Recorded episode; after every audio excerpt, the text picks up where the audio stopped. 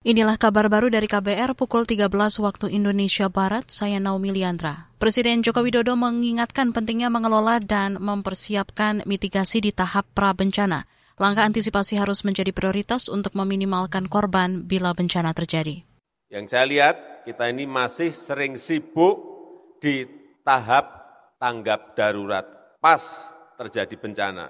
Padahal yang namanya pra-bencana, tahap pra bencana itu jauh lebih penting. Bagaimana menyiapkan masyarakat, bagaimana mengedukasi masyarakat, bagaimana memberikan pelatihan-pelatihan kepada masyarakat untuk langkah-langkah antisipasi.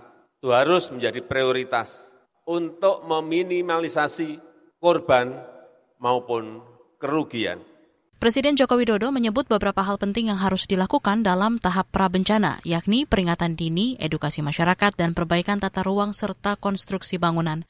Jokowi mengingatkan jajaran pemerintah daerah agar jangan memberikan izin pendirian bangunan di lokasi-lokasi rawan bencana. Saudara sebagian besar masyarakat tak mampu membeli pangan sehat dan bergizi karena harganya mahal. Karenanya pemerintah mesti punya strategi efektif untuk menjaga stabilitas harga pangan. Implementasinya perlu melibatkan BUMN dan swasta. Berikut pernyataan ekonom Indef Bustanul Arifin. Mengapa? Karena pangan sehat kita itu sangat mahal, sangat mahal pangan sehat kita. Itu very serius menurut saya. Yang menjadi hambatannya, coba kita lihat uh, produksinya yang yang berhubungan dengan kemampuan kita konsumsi sayur dan buah ya, kita paling kecil tuh ekspornya, kecil impornya kecil. Beda dengan Vietnam sama Thailand ekspor semua itu buahnya. Sudah tidak memproduksi, tidak makan pula, itu makanya suruh sehat bagaimana. Ekonom Indef Bustanul Arifin menambahkan ketidakmampuan sebagian besar masyarakat mengakses panganan sehat dan bergizi memicu beban gizi ganda, yaitu tingginya angka balita tenkes atau stunting dan remaja kelebihan berat badan atau obesitas. Bustanul juga menghimbau dilakukannya peningkatan kualitas gizi masyarakat.